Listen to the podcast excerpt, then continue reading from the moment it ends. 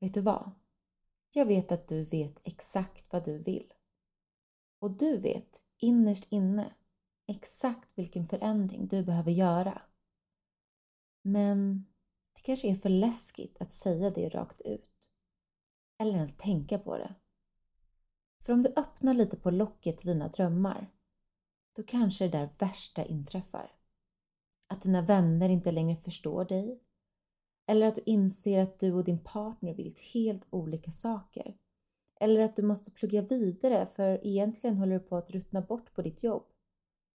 Och orkar du den förändringen? Orkar du lägga all tid och energi på det där? Nej. Så du lever på och fortsätter att gräva ner dina drömmar. Försöker förtränga dem, glömma dem. Men vad händer då? Jo, sakta men säkert blir du bitten, uppgiven, känner dig meningslös och börjar känna dig deprimerad. För istället för att lägga energi och tid på din dröm så valde du, ja, det är ett val, att lägga den där energin på att leva ett liv som du hatar. Ett liv som gör dig olycklig. Så känner du att nej, fan, jag är så jävla värd att leva ut min dröm och må så där bra som alla jag avundas gör. Ja, då är du välkommen till mig. För precis som alla andra jag coachar så bär du på en dröm som är närmare än du vågar tro. Den är inom räckhåll och det kan jag säga med säkerhet. För jag har gått exakt den där vägen. Jag har gått från rädsla, depression, ångest till att leva i min dröm och vara lycklig. Jag hjälper dig och guidar dig genom den där läskiga drömmen och hjälper dig att ta ett steg i taget samtidigt som jag håller din hand. Ett hinder i taget och du kommer känna att den där drömmen är värd att kämpa för. Mm. Det här läste jag precis på Felicia Ugglas Instagram. Och det är hon som är min gäst idag. Felicia är coach. Frigörande coach kallar hon sig. Och hon är en kvinna som jag har varit nyfiken på. Hon har ploppat upp lite då och då i mitt Instagramflöde och jag fascineras alltid av hennes inspirerande texter och motivationsvideos. Så för några månader sedan så bestämde jag mig faktiskt för att fråga om hon ville gå en promenad med mig. En liten blind date kan man nästan säga. Och vi connectade verkligen direkt så jag bjöd in henne hit till podden. Så vi har ett samtal om coaching. Men inte bara det utan även hur hon har kommit dit hon är idag. Och Felicia berättar även om hennes depression och utmattning, att resan inte har varit helt enkel. Och för vem är den det egentligen? Mm. Sen vill jag också bara be lite grann om ursäkt för att våra första minuter i det här samtalet så eh, något slags fel på micken. Så det är lite konstigt ljud i början. Stick with us! Bara efter någon minut så blir det bättre igen. Jag är ju lite nybörjare så att eh, jag lär mig med tiden. Jag vill hälsa er varmt, varmt välkomna till Stay Grounded Podcast tillsammans med mig, Sofie Kraft. I dagens avsnitt får ni träffa Felicia Uggla. Varsågoda!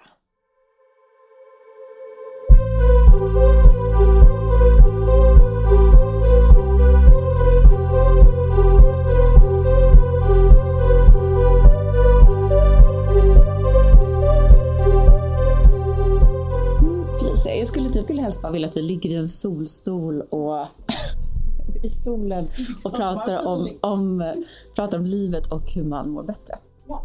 För eh, jag har ju dig här, Felicia Uggla i Stay Grounded Podcast och eh, det känns så kul att du är här. Eh, vi har ju stött på varandra en del under senaste åren, eller i alla fall vetat om varandra och sen så tog jag en, en promenad med dig för några månader sedan.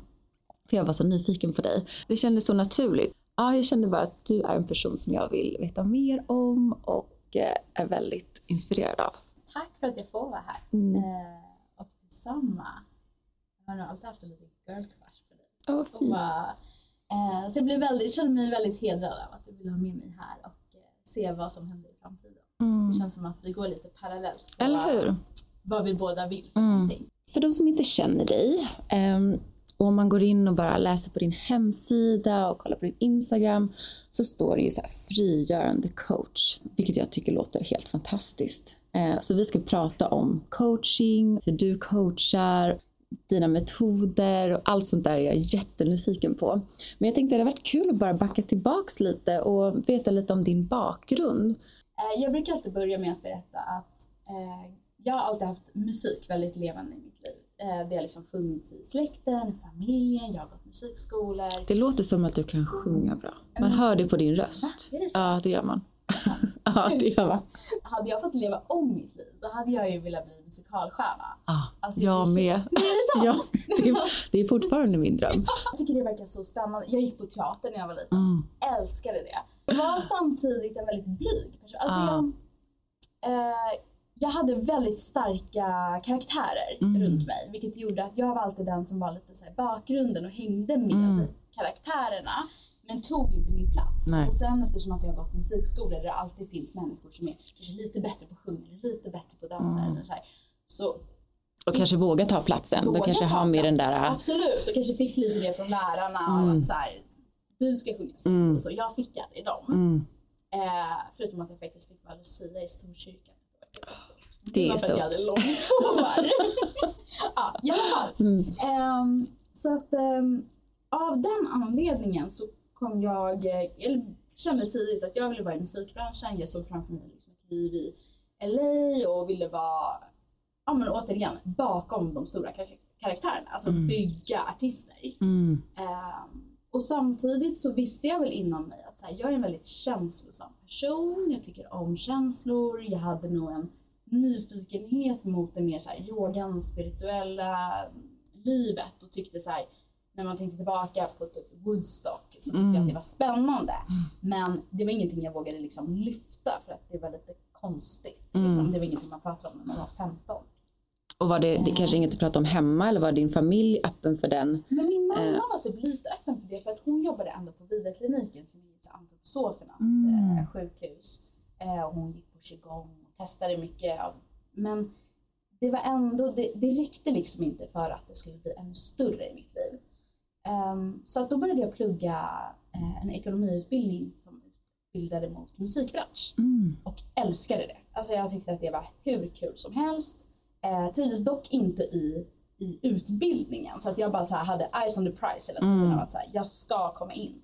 Och det gick superbra för mig. Alltså jag fick jättemycket härliga jobb, gjorde jättemycket roliga saker, byggde massa olika eh, men, pojkband och artister och eh, jobbade med Rockbjörnen. Och så. här. Jag var verkligen på massa För många ett drömjobb ett verkligen. Dröm, Ja. drömjobb, verkligen. Och så här, utåt sett så såg det ut som att jag hade allt. Mm. Eh, jag vet att det var alltid så här, folk ringde mig om de ville hamna liksom på listan någonstans Mm. eller eh, om man skulle, var ska man någonstans? Eller jag vill gå på den konserten, har du några biljetter? Mm. jag var ju den som började så här, men gud orkar jag se John Legend ikväll? Nej men jag vet att jag hade jobbat på Way Out West med Energy och åkte hem, bara tågkaos, hade en jättestor vagel och åkte direkt från tågstationen till eh, men Avicii Arena för att se Mm. Coldplay och satt där och bara måste man sitta kvar liksom? Ehm, och någonstans Då har man ju tappat sparken Ja, för det. Mm. och jag vet att jag så här, satt i något möte någon gång och vi pratade om så här, vilken artist vi skulle ta in och jag, jag kände hur bara, jag var så oinspirerad och tänkte så här, men det spelar ingen roll. Mm. Alltså det är så här skitsamma, det var typ att någon stor artist hade tackat nej och alla var så här eld och lågor över det. Vad, vad ska vi göra? Mm. Medan för mig var det, men jag, jag hade tappat sparken. Mm. Eh, och jag kan inte riktigt sätta ord på vad det var som gjorde att jag tappade det. Men jag kanske kände att det inte var så hållbart. Att det började bli, jag kände inte den här meningsfullheten längre. Ehm, så här, är det här allt? Någonstans där så tog jag en paus och åkte till eh, Santa Teresa. Som jag vet att du Mm, också ja. tycker mycket om. Mm. Och eh, tanken var att jag skulle resa runt. Men jag började där och eh, träffade då vår gemensamma vän Klara Moberg. Och eh, bara blev kvar. Mm. Bara stannade. Suger in alla. alla, alla tänker man ska resa runt i hela Costa Rica, Sydamerika. Bara, "Nej, Jag vill bara vara på den här gatan.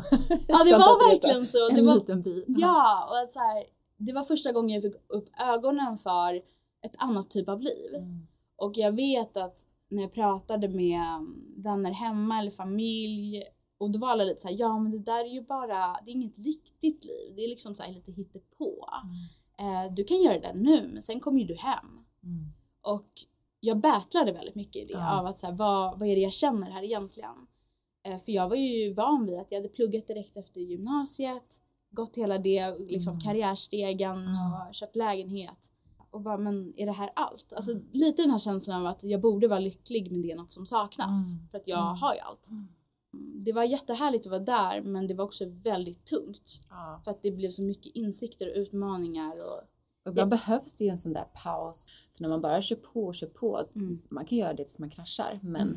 när man väl stannar upp, då blir det ganska tydligt. För då Mm. hinner, man, hinner man känna magkänslan, intuitionen blir starkare igen. mm. Ehm, då går det inte att lura sig själv lika lätt. Nej men exakt. Och många säger ju jag mår dåligt, vad ska jag göra? Och mitt svar som coach är alltid stanna kvar. För att jag vet att där finns det saker. Vi Mm. mår inte dåligt av inte någon anledning. Det är ju någonting som vill säga oss någonting. Men det jag gjorde var att inte lyssna på det. Mm. Utan jag eh, lyssnade till kravbilden av att jag hade ett jobb som väntade på mig hemma. Så att jag vet hur jag hela vägen hem, jag bara grät. Alltså jag ville verkligen inte. Hela din kropp- rysningar Ja, när jag pratar din, om det. hela din kropp visste att det inte var rätt. Nej, hela min kropp visste Ja. så här, det här är inte rätt. Jag vill vara kvar. Men allt utom mig sa, du borde åka hem. Alltså du, du måste ha jobb, du har ju din lägenhet, jag hade min sambo hemma som väntade. Så att jag åkte hem, eh, kommer hem mitt i januari, sämsta tiden att komma hem. Alltså det var så mörkt och kallt och du vet så här, från att ha haft en jättehärlig liksom, Mm. tropisk hy till att Mm. bara krackelera Mm. fullständigt. Började på det här jobbet och efter sju veckor så gick jag in i en utmattad depression. Jag vet Ändå att, så kort efter att det bara Mm. slog till. mm, Det blir liksom... med hela jag, alltså jag, första dagen jag gick till jobbet, jag bara grät på Mm. vägen dit. Mm. Sen var arbetsplatsen ingen bra arbetsplats så att det blev väldigt dubbelt. Ehm, så där, eh, ja jag mådde, det, det är väldigt blurrigt hela den Mm. bilden men jag mådde väldigt, väldigt dåligt. Mm. Och var så otroligt vilsen, så ledsen, så mycket ångest, panikångest. Under ett halvår gjorde jag i princip ingenting. Vi hade precis köpt vår hund så att jag var hemma med min valp och kände Mm. bara också så här, var, alltså jag vill inte vara med den här valpen som jag hade längtat efter så många år. Ja. Ehm, Det behövdes kanske tid bara för dig att vara med dig och inte ta ansvar för någon annan. mm, ja, Ta ansvar Exakt. för dig själv för en gångs skull. ja, liksom, men det var ju så otroligt mycket. Mm. Det blev också så påtagligt att komma från Santa Teresa där det var väldigt prestigelöst Mm. till att komma till Stockholm med mycket prestige och av att också bära den här att jag var utmattad, eh, deprimerad, att jag inte jobbade i musikbranschen, att jag efter ett halvår började jobba smått i en butik. Det var jätte, det var så sårbart. Och hela mitt väsen bara skrek så här, vem är jag? Mm. Tänk om, jag tänk om någon kommer in i den här butiken och tittar på mig och bara, gud, vad, vad gör hon här? Jobbar hon i butik nu? Mm. Liksom. Det, ja, det, var, det var kämpigt. Mm. Och när jag ser tillbaka på det, jag vill ju bara krama om mig och bara så här, Ja. ge dig tid. Ja. Men jag var så stressad i att må bra, hitta vad jag ville, eh, trycka undan allt det här och bara att det skulle bli bra igen. Mm. Mm. Hur blev det bra igen då? Ehm, ja, det är ju en väldigt det är en svår fråga, men jag tror att eh, tid, Mm. att jag tillät mig att bara ha ett jobb som man går till, gör det man ska, går hem. Mm. Jag hade otroliga kollegor där. Alltså det var så otroligt snällt. Det fanns inga liksom, armbågar eller att vem som gjorde mest eller bäst, utan man gjorde det man skulle och sen så gick man hem. Mm. Ehm, Och väcktes där då en dröm eller längtan till att kanske hjälpa andra i liknande situation? Eller hur kom du in på coachingen efter en ganska då tuff och hård utbrändhet eh, som nästan slog ut hela kroppen? Liksom? Hur tar man sig Mm. vidare och, och startar någonting nytt? Det tog ett tag, men jag hade... Dels så fick jag en väldigt stark intuition i mig av att här, jag vill starta mitt eget. För att jag hade under hela den här tiden som anställd haft väldigt dåliga arbetsplatser. Alltså där det var...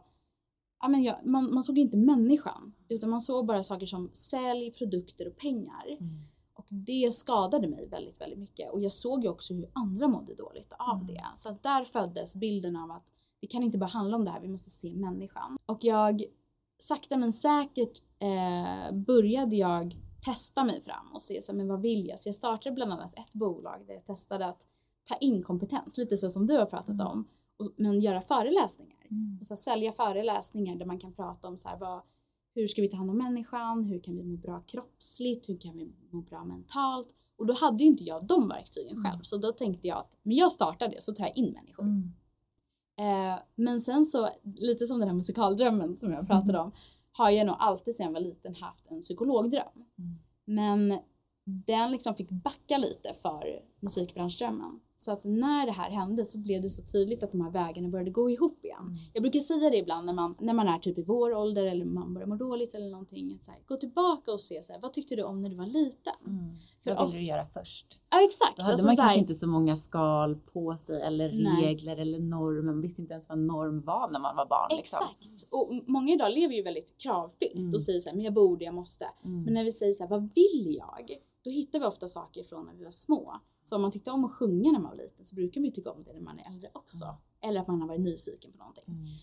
Så att jag tänkte okej, ehm, jag kanske inte känner att jag orkar gå den vägen av att liksom, psykolog. Finns det andra saker jag kan göra? Och jag själv hade gått till coacher. Mm. Och det här är en stor del i det av att jag gick till en coach som jag måste nämna. Han heter Ja. Bengt Renander. Mm. Har du hört om honom? Nej. Okej, han är underbar. Alltså jag skickar alla jag känner till Bengt Renander Mm. för att han hjälpte mig. Han, han brukar säga det som att han väcker människor ur sin mardröm. Alltså medvetenhet. Eh, lite det här med att få kontakt med sitt ego och börja Mm. förstå så här, vad är mina tankar, varför lyssnar jag på dem, varför lyssnar jag inte på dem. Eh, så att jag gick till honom för att en kompis tipsade om det. Får jag berätta storyn om när jag Ja, honom första gången? berätta. Det är jättespännande. Ja, men jag fick det här i, i 30-årspresent av en kompis som hade gått till honom. Hon bara, Gud vilken fin present. ja men det var så fint. Ja. Och hon såg ju hur jag, Ja. jag kämpade och Ja. hon kände att vad hon än sa så det bara flög över mig. Mm. Hon lyckades liksom inte. Så hon gav mig tre sessioner med honom. Eh, och hon var så här, gör vad du vill med det här. Du kan antingen bara gå dit och känna att du får egen, egna verktyg Mm. eller att du ser hur han jobbar, om det är ett sätt du vill jobba på. Mm. Så att jag gick dit med väldigt öppna ögon och sätter mig i den här stolen framför honom och ska då tillägga att jag har ju utefter min utmattning och depression gått till så otroligt många terapeuter, psykologer, läkare. Mm. Alltså jag har mött så mycket olika människor. Jag var så trött på min egen story. Mm. Alltså jag bara Ja. kände så här, jag orkar inte dra den här igen. Nej. Eh, jag vill bara komma vidare. Så att jag börjar berätta det och känner hur han är så himla närvarande i samtalet att det blir liksom obehagligt. Mm. Han, är så, han ser rakt igenom mig. Och jag börjar känna mig varm och liksom helt så svettig och det börjar flimra framför ögonen. Och jag bara så här, men gud håller jag på att svimmar? Eh, men jag fortsätter bara prata, säger ingenting och bara stressar igenom det här. Och så säger jag det högt bara, vet du jag tror jag håller på att svimmar. Och i nästa stund blir det bara helt svart. Och eh, han, eh, i nästa stund har han liksom lyft upp mig och lagt mig på en soffa och så här. Och det i sig är ju otroligt sårbart att det här är en person jag träffar första gången och jag svimmar och han får ta hand om mig. Så min första tanke är ju bara så här, gud vilken dålig coach som får mig att svimma. jag ska aldrig mer Ja. gå hit. Ehm, och liksom jag sitter där Räddade han inte mig? men det var liksom, du vet hur det kan bli att man Ja. lägger över sitt, sitt eget på någon annan så att det är ditt fel att Mm. det här hände. Eh, så att jag känner bara usch det här är så jobbigt och han sitter bara och liksom så här vi tar det lugnt, vi behöver inte göra någonting och han börjar berätta lite om sin, hur han ser på min resa Mm. och vad vi kan göra tillsammans. Men jag är liksom redan därifrån. Eh, så när jag kommer ut därifrån börjar jag storböla och ringer min kille och bara det här var så hemskt, jag vill aldrig tillbaka. Och sen berättar inte jag det här för någon. Men jag har ju fortfarande de här andra två sessionerna Ja. som jag tänker så här, hur ska jag göra med de här? För jag känner då också lite skam mot min kompis att hon har betalat och så ska jag inte använda Mm, det. Så det mm. var väldigt mycket ansvarstagande mot Mm. andra. Så jag pratar med en väldigt klok vän som säger, men Felicia, vad är det värsta som kan hända? Du har redan svimmat så det kan inte bli så mycket värre. Exakt! Och jag bara, men gud, tänk om jag svimmar igen? Ja. Hon bara, men säg det till honom. Så här, gå dit och säg så här, jag är, jag är rädd för att svimma igen. Jag tyckte Mm. det här var obehagligt. Så då gör jag det. Och han bara tittar på mig och bara, "Mm, då eh, godkänner vi det. Det är helt okej om du svimmar här. Mm. Och bara att han sa det så var det som att jag var trygg och hemma igen och bara, Mm. okej den här coachen, han vet vad han snackar Mm. om. Och att han kan, han kan hålla dig. Han kan liksom Exakt. hålla dig om det skulle hända. Om Ja, det värsta skulle hända precis. igen. Ja. Och han gjorde det så mänskligt. Ja. Det var inget konstigt. Det är så här, ja, det Mm. blev så mycket stress i dig. Det Mm. liksom blev för mycket. Mm. Så att jag fortsatte ju gå till honom och eh, han är min liksom stora förebild. Jag tycker att han är helt fantastisk. Mm. Eh, så jag utbildade, eller jag hade faktiskt precis innan påbörjat min coachutbildning. Mm. Så jag fortsatte den och eh, sen kom ju coronan. Så eh, då blev det väldigt eh, tydligt att jag har inte så mycket att göra med min tid. Eh, Det finns inte så mycket att göra, inga jobb att söka. Mm. Så att eh, jag byggde min egen hemsida och eh, körde igång och sen har det rullat på. Att du har fått så mycket liksom, livserfarenhet inom coachingen också, som att du har testat så många olika. Det måste ha gett dig en tydlig bild kanske hur du inte vill jobba Mm. och guida dig till hur du verkligen vill jobba. Mm, Eh, För idag så har du mycket one-on-one klienter va? mm, Och exakt. även retreats har jag sett och även en del föreläsningar.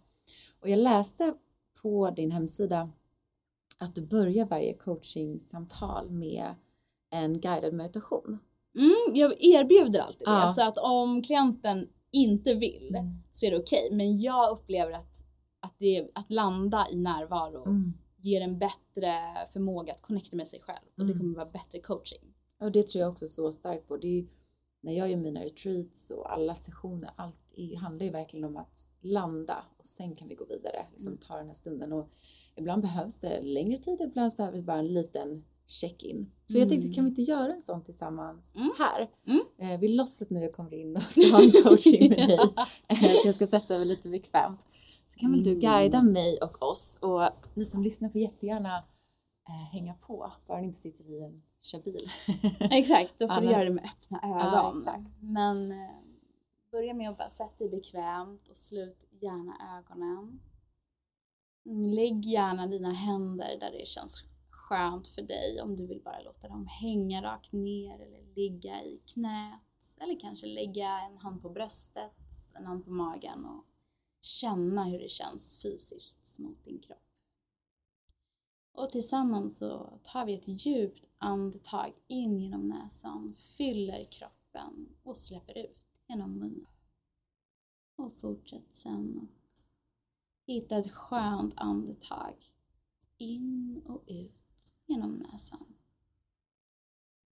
Och känn hur andetaget är medvetet och hur det lägger din, hela din närvaro i ditt andetag det ska inte kännas forcerat.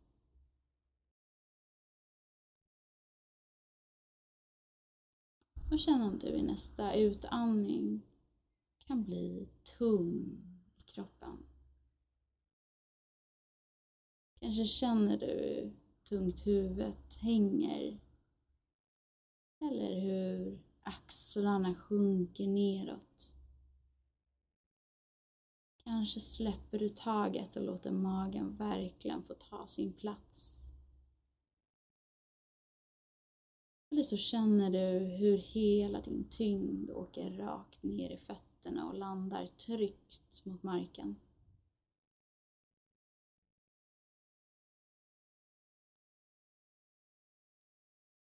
Mm, Fortsätt bara att andas.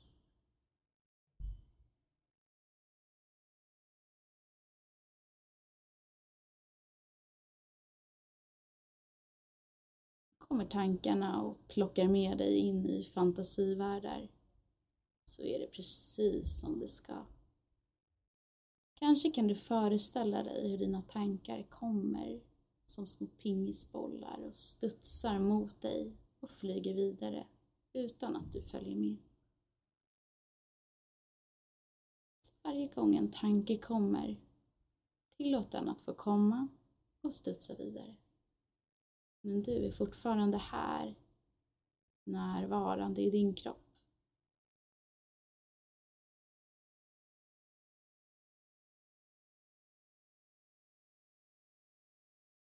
Och innan vi avslutar denna korta landningsmeditation, känn efter om du kan hitta tre saker att känna tacksamhet över.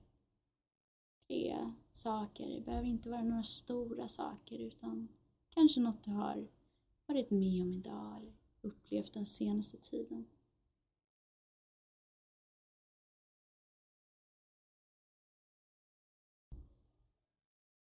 Och vi avslutar på samma sätt genom att ta ett djupt andetag tillsammans. Mm. Mm. Åh, vad skönt. Jag stanna här. Gud vad härligt. Tack snälla. Mm. Mm. Jag går sen ner mig ännu lite mer i den mysiga poddstolen. Det är så skönt. Jag Ja, kan det känna så det när jag själv har klienter att ibland försöker jag ducka min egen meditation. Ja. Men när jag har klienter så blir jag påmind om hur, hur skönt det är Ja. och hur bra. Och att jag alltid får en lite, lite mörkare röst. Mm. När jag man landar lite. Ja, visst. Ja. Mm. Man är lite, eller jag kommer lätt upp annars. Ja. Mm. Mm. Jag kände, jag kände att jag vill dela vad jag är tacksam för. Ja, gör det. Det kom så tydligt. Och det första jag kände var att jag var så tacksam för just meditationen. Mm. För att jag har haft en eh, så här, mm, händelserik vecka, mycket jobb. Så jag kände gud vad skönt att bara få landa med dig. Eh, och sen kände jag jättetacksamhet att vi eh, har det här samtalet. Och att jag är så tacksam att jag jag vill liksom lära känna dig mer. jag är så tacksam för dig, för jag tycker så mycket om dig. Det är så Eh, fin energi här jag, just nu. ja, så jag blev bara glad och rörd. Ehm, och sen för solen. Det var de tre som kom. Mm. Så det är blå himmel idag och det är inte ofta i de här januari, februari. Mm. Mm. Det står så här, alltid topp på min lista Ja. när det är så här, vad, vad vill jag ha i mitt liv? Det är så här, Ja. blå himmel. Ja. Eh, och jag vet en gång när jag hälsade på en vän i New York och jag var så lycklig över att det var en blå himmel. Jag var där i november och hon bara, gud vad du tjatar. Ja. Jag bara, men det är aldrig så här i Stockholm. Hon bara, det är alltid blå himmel. Jag måste också säga, vi har Mm. ju, vi bor ju typ i samma hus. Mm. Eller din kille bor ju Mm, i huset det. bredvid där min mamma bor. Så det. vi tar ju ofta bilder på samma vy Ja. när det är blå himmel. Stoppa allt, nu är det solnedgång, jag måste ut. Exakt. Ja, vad fint. Mm. Men så, nu har vi kommit till i ditt, i, i ditt liv, i din resa, att du har börjat med din coaching. Mm. Hur känns det? Att göra, göra, ha ditt eget företag och göra någonting som du, jag antar, verkligen brinner för. Mm. Nej men det är helt fantastiskt. Det är verkligen eh, jag tycker att det är så viktigt ibland att se tillbaka på alla steg man har tagit mot där man är. För att ofta när man står i ett vägskäl kan vägen dit man vill vara så lång, eller det känns otroligt långt. Och att man gärna vill ta ett jättesteg in i Mm. det. Men att de här små, små stegen är så viktiga. Och att jag nu kan känna sån tacksamhet över att jag har gjort det. Och att det har verkligen inte varit enkelt. Det är du väldigt transparent med i din coaching också. Eller om man ser, jag har ju stakat ordentligt på Instagram och kollat Mm. på mycket videos som du lägger upp och Mm. texter du skriver. Och jag tycker det är väldigt sårbart men det gör ju allting så autentiskt. Att du delar ju mycket av att så här, ja, men jag har också haft det jobbigt. Jag kan känna igen mig, jag har också känt så här. Och Mm. jag tror att det också ger ett väldigt förtroende ju, för att du vågar vara sårbar. Och då gör det ju att förhoppningsvis den som kommer till dig också vågar vara sårbar för att det är okej. Det, Du Mm. behöver inte skämmas för det. Mm. Och det är väldigt fint att du gör det och eh, ja, det känns tryggt på något sätt. Bara så här för att se det utifrån. Jag har inte gått coaching med dig men jag bara får en känsla av att så här, ja, där skulle jag känna mig trygg och må bra. Mm, tack för att du säger Mm. det, för att det har varit en stor drivkraft hos mig att jag vill ha en mänskligare värld. Eh, och mänskligt för mig är att se varandra Mm. och inte döma varandra utan mer ja, men våga se eh, att vi alla har olika utmaningar ehm, och att ibland kan man känna sig otroligt ensam i sin egen utmaning men att ja, vi är så många som delar det. Så Mm. att eh, jag har ju väldigt många som kommer till mig med ångestproblematik eller att de upplever väldigt mycket ångest. Och det har ju jag, det är jag jätteöppen med. Mm. Att jag har haft jättemycket ångest. Och att idag har jag inte det på samma sätt. Och det är mycket för att jag, jag brukar prata om att man ska bli vän med sina känslor. För att jag var så himla rädd för mina känslor. Mycket av att jag hade haft både depression och utmattning. Så att när jag kände stresspåslag eller kände ångest, då blev jag så himla rädd för gud nu kommer jag få en panikångestattack igen. Eller gud, jag, tänk om jag blir utmattad, jag klarar inte det här. Det är ingen idé att jag jobbar för att jag blir så stressad. Eller det är ingen idé för mig att träffa människor. Eller jag kommer inte kunna bo kvar i Stockholm för det är för mycket stress här. Men istället våga se, okej, okay, jag blir stressad för att min kropp gör sig redo för att nu har jag en utmaning framför mig. Exempelvis när jag föreläser. Jag är alltid stressad. Jag blir nervös, jag får handsvett, jag blir, eh, men kan bli lite röd, lite varm. Eh, men det är för att jag gör någonting som, där alla tittar på mig, alla lyssnar på mig. Det är ganska naturligt att bli stressad av det. Att folk, jag vet att jag säger saker som folk nu hör och de kommer bilda sin egen uppfattning om mig. Men också för att jag gör någonting som fortfarande är ganska nytt för mig, som jag inte har gjort i tio år. Då kanske det känns på ett annat sätt. Och att bli lite mer okej okay med det. Att det. Vi behöver inte hela tiden gå runt och känna att allt är jättekul och jättehärligt. Men det kan fortfarande vara någonting vi vill göra, mm. någonting vi vill uppnå.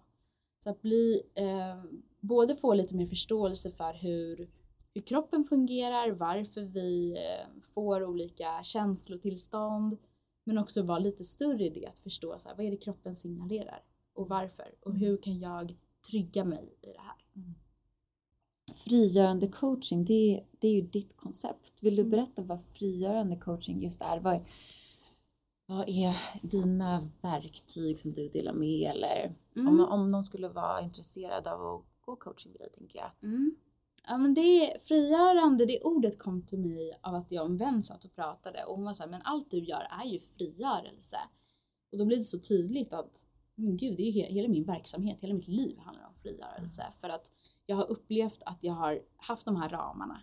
Eh, att vi känner olika krav och det kan vara allt ifrån vad ens föräldrar tycker att man borde göra, vad man har för typ av vänner, vad man har gjort tidigare, eh, hur vi ser ut, hur man borde se ut, vad man borde prata om, vad man borde tycka är kul, hur det borde kännas. Att istället frigöra sig. Och eh, ordet kan ju låta väldigt, eh, väldigt stort. Jag upplever inte att det är ett ord man använder vardagligt, mm. att så här, man frigör sig. Men att om, på ett lättare sätt säga att släppa kraven. Slippa känna att jag måste göra någonting eller att det här är någonting jag borde göra och istället gå in med lusten eller nyfikenheten och så här, vad vill jag eller vad, vad, vad tycker jag borde vara roligt eller vad jag vill testa på för någonting. Eh, så att det blev väldigt naturligt för mig och det har varit en lång process till att komma till den liksom, frigörelsen av att jag har testat på jag tycker det är jättekul att stå framför kameran och har jobbat med det också. Eh, men att då har jag testat att göra så nakenfotograferingar, hur känns det att bara så stå i min kropp och eh, typ inte ha rakat benen eller inte ha sminkat mig eller borstat håret eller vad det kan vara för någonting. Eh, och det är så mäktigt när man gör det ihop med andra och se att så här, gud vad vi är 100% värda att vara de vi är. Vi behöver inte fixa till oss. Men även att välja att jag vill inte vara anställd 100% någonstans för att jag vill bestämma över min tid och jag vill bestämma över att men typ kunna sitta här med dig och spela in en mm. podd som jobb. Eh, och det, det har jag ju jobbat länge för att det ska bli så. Mm. Men för att återgå lite till hur, hur det kommer i min coaching så hjälper jag människor att se eh, varför vi gör saker. Alltså bli mer medvetna, ta aktiva val och våga göra saker för oss själva. Och tillåta andra att få tycka vad de vill om det. Mm. För ofta så känner vi att men jag vågar inte för vad kommer andra tycka? Eh, och vi vill gärna inte bry oss. Alltså känna så här, jag gör saker och det, jag bryr mig inte. Mm. Men jag tror att det är få människor som känner så. Mm. Om man kanske inte är psykopat, att man är helt liksom avstängd. För vi bryr oss. Vi vill bli omtyckta som människor. Vi vill att andra ska ge oss bekräftelse och att vi är bra. Men jag tror att det handlar mer om att ge sig själv det och att andra inte gör det. Det kan ha med att de inte vill göra det vi vill att de känner rädsla för att göra det, att de ser, men gud kan man leva så där? Så att våga avskärma sig lite från det och där i då frigöra sig till att kunna leva det liv som man längtar efter. Mm. Eller det man tror att man längtar efter, alltså mm. våga prova. Mm, exakt, våga prova. Mm. Det är väl också mycket det, att våga gå utanför din comfort zone, testa något nytt. Då kanske ja. du upptäcker någonting nytt om dig själv som du inte hade någon aning om att du älskade. Exakt. Och jag kan säga när jag stod där i Santa Teresa, då var jag ju den personen som inte vågade testa någonting. Jag var så rädd. Jag var så otroligt rädd för det mesta. Ehm, och det, det har ju begränsat mig Mm. till att tacka nej till så mycket saker. För tänk om jag är dålig, tänk om jag inte tycker det är kul, tänk om andra kommer skratta åt mig, tänk om andra är bättre än vad jag är. Mm. Eh, det ser man ju tydligt där exempelvis för att det är väldigt mycket surfing i Santa Mm. Teresa. Och att inte vara bra på surfing är ju obehagligt. jag tyckte det var obehagligt. Ehm, så att eh, det fick mig att tänka till både på men vad får jag om jag vågar men också vad missar jag om jag inte vågar. Mm. Mm. Håller dig tillbaks. Mm. Jag hoppas verkligen att fler eh, vågar gå till coacher Mm. eh, och ta den hjälpen. Ibland behöver man bara våga sträcka ut en hand och inte Mm. bara säga att jag klarar allting själv. Okej, jag behöver lite hjälp, jag har fastnat liksom. Exakt. Eh, ja. Ja men verkligen ta hjälp av andra och att ehm, för mig har det blivit också nu, du nämnde det lite grann, att eh, jag har precis startat ett retreat. Så jag har haft Mm. ett retreat. Och i det märkte jag också hur mycket som händer oss när vi gör saker i grupp. Och där, det har varit så förlösande för mig. Samma sak som att jag har gjort men om man gör en utbildning ihop med andra eller om man står naken framför en kamera ihop med andra. Att eh, liksom spektra med, eh, man kan ju ta in det på allting. Men att när vi är tillsammans med andra människor så händer så mycket i oss. För att ofta vill vi lösa saker själva eller så här, nej men jag är inte riktigt redo än. Alltså att allt måste vara perfekt innan jag gör det. Mm. Exempelvis, jag vill gå en målarkurs, jag ska bara lära mig vilken typ av liksom, penslar jag ska ha eller vilka färger jag ska ha. Nej, skit i det. Hoppa på målarkursen och se vad som händer Mm. istället. Det kanske slutar med att du inte tyckte det var kul, men då har du lärt dig det. Mm. Precis. Mm. Jag gör ju också mycket retreats och det är ju det jag tycker verkligen är grejen. Att man gör det tillsammans. Ja. Jag brukar kalla mig själv för någon slags festfixare med att jag ser till att vi har ett fint hus, eh, jättehärlig miljö, natur, bastu, fantastisk mat. Mm. Men sen allt som händer, det är ju det som sker mellan varandra. Exakt. Eh, de frågeställningar som kommer upp, det vi delar med varandra. Mm. För alla de här, det vi själva delar kan hjälpa någon och vi kanske får liksom, väcks någonting när vi hör någon annans historia eller berättelse. Så jag tror Mm. så mycket på grupp, eh, gruppsharings Ja. och retreats. Eh, jättekul att du har börjat göra det. Mm. Och jag, vi, vi hade faktiskt en, ett moment i vårt retreat där vi hade gruppcoaching. Mm. Så man blev coachad framför alla andra av mig. Ehm, och det var ju så, så, alltså den energin som blev, det var så starkt av att någon berättar någonting otroligt sårbart och alla andra liksom Alla håller. håller. Vad fint. Började gråta. Ja, men det var så Jättefint. fint och det, i början när vi sa att vi skulle göra det här, man såg hur alla bara hjälp, Ja. jag vill inte. Ehm, men sakta men säkert så ville alla. Det blev, ja det var så mäktigt. Så att, ja men just det att göra ihop med andra, vad det är läkande Mm. och att känna just det här mänskliga. Mm. Av att vi behöver inte vara någon. Vi kan dra bort alla de här filtrerna och bara få vara de vi är. Hur bokar man en session med dig? Eller ingår man, ingår man ett helt program eller är det liksom one, one time only? Eller hur funkar det? Jag har ett program Mm. Eh, och jag, eh, varför jag har det är för att jag tror inte på att ett samtal kommer ge så mycket. Mm. Då kan det bli som jag, att man svimmar och aldrig mer går tillbaka. jag tror på lång, alltså på samma sätt som att du, du bokar inte en PT en gång. Utan eh, det tar tid för att det jag lär ut är inte en quick fix på något sätt. Utan det är ett sätt att se på livet. Mm. Alltså och det, det, antar att det måste ju hända så mycket efter varje samtal också. Att man Mm. går så måste man ju mm, komma med nya insikter, man kanske testar grejer. Mm. Eh, så det är ju mycket i mellanrummen ofta som Mm. det händer saker. exakt. Eller? Ja. Exakt. Mm. Och att det är så häftigt för mig som coach, alltså det är därför jag älskar jobbet, att se också utvecklingen. Mm. Alltså det är så fantastiskt när man typ i sista eh, samtalet verkligen kan se hur de själva inte frågar så mycket utan Nej, att de, har själva sätter dem- ord. De har fått de Ja. verktygen och kan läsa, lära Ja. sig själva kanske. De ser i sig själva så här, Ah. just det, jag gör nog det här för att jag är rädd för. Eller vad det kan vara. Ehm, så att jag har mina program och ehm, då är det tre månader med sex samtal. Så vi har samtal varannan vecka. Och sen emellan så får man support eller uppföljningscoaching på mail av mig. Så att man känner sig liksom aldrig ensam i det. Utan då kan vi, eh, man kan ta upp om man har några reflektioner eller utmaningar. Eller om man behöver mer hjälp med den övningen som jag ger. Jag ger alltid liksom individuella övningar Mm. utifrån det samtalet vi har haft. Så att det är inte ett program av att alla är samma utan det är ju individuellt Mm. allting. Eh, och sen får man så här meditation om man vill det. Mm. Och sen så har jag faktiskt även ett samarbete med Mindfully Ja. som är en meditationsapp. Så man får deras... Eh, meditationer där. exakt. Och jag tror ju väldigt mycket på meditation. Mm. Eh, och de flesta har ett väldigt starkt motstånd till det. Så att jag är väldigt där, testa appen, testa Ja, appen. att väva in det. Ja. Eh, för jag tror att många har en bild av att det ska vara på ett visst sätt. Eh, att det ska vara tyst och man ska sitta på sin yogamatta och liksom vara helt zen. Mm. Men att det, det är kaos i huvudet Ja. och det får vara det. Det får vara det. Mm, exakt. Och man kan sitta på bussen och meditera. Det Mm. behöver inte vara något speciellt. Ja, vad fint. Mm. Jag kommer länka till din hemsida feliciauggla.com så att alla ni som är nyfikna kan kolla in. Mm, vad Eh. kul, vad roligt. Mm. Om, om jag går tillbaks lite till, till dig nu Mm. eh, personligen. Hur, du har redan nämnt att du gillar blå himmel och liksom solen, men Mm. hur, hur får du energi? Vad är det som får dig att få den här sparken i Mm. vardagen? Det behöver inte vara de här stora, liksom, fantastisk resa till Santa Teresa, utan vad är liksom din vardags, eh, vardagsenergi? Hur fyller du på? Mm.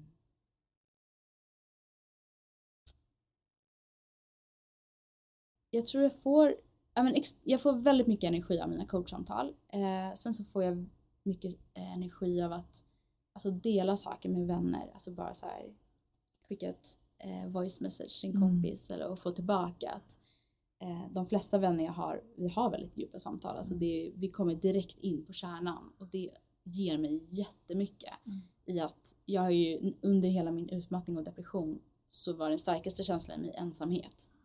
Jag känner mig väldigt ensam och jag känner mig typ aldrig ensam längre. Nej. Inte ens när jag själv så känner jag mig ensam. Och det är väl också för att jag uppskattar mitt eget eh, sällskap Mm. väldigt mycket. Mm. Ehm, men jag tycker att det är väldigt kul att eh, jobba ihop med andra. Samskapa som jag gör med Nathalie, som jag gör retreatsa med. Tycker att det är otroligt kul. Ehm, och sen så tycker jag att det är ja, men egentligen bara sådana små saker som att gå ut i naturen med min hund. Mm. Ehm, jag älskar att sätta på bra musik och bara dansa loss hemma Mm. och sjunga. Men eh, även att bara dricka en sån här morgonkaffe. Gud, jag, jag känner mig som värsta klyschan. Mm. Ja, som men- bara, men jag, Men det är ju Ja, men så. jag har är hittat. likadan. Jag bara, ge mig blå himmel, låt mig få sitta och dricka min kaffe. Då är jag glad. Det är så små grejer i vardagen som kan skapa de Ja. här skiftena. ja men det är det och jag märker nu när vi pratar om det Mm. att jag har tidigare sökt de stora Ja. grejerna.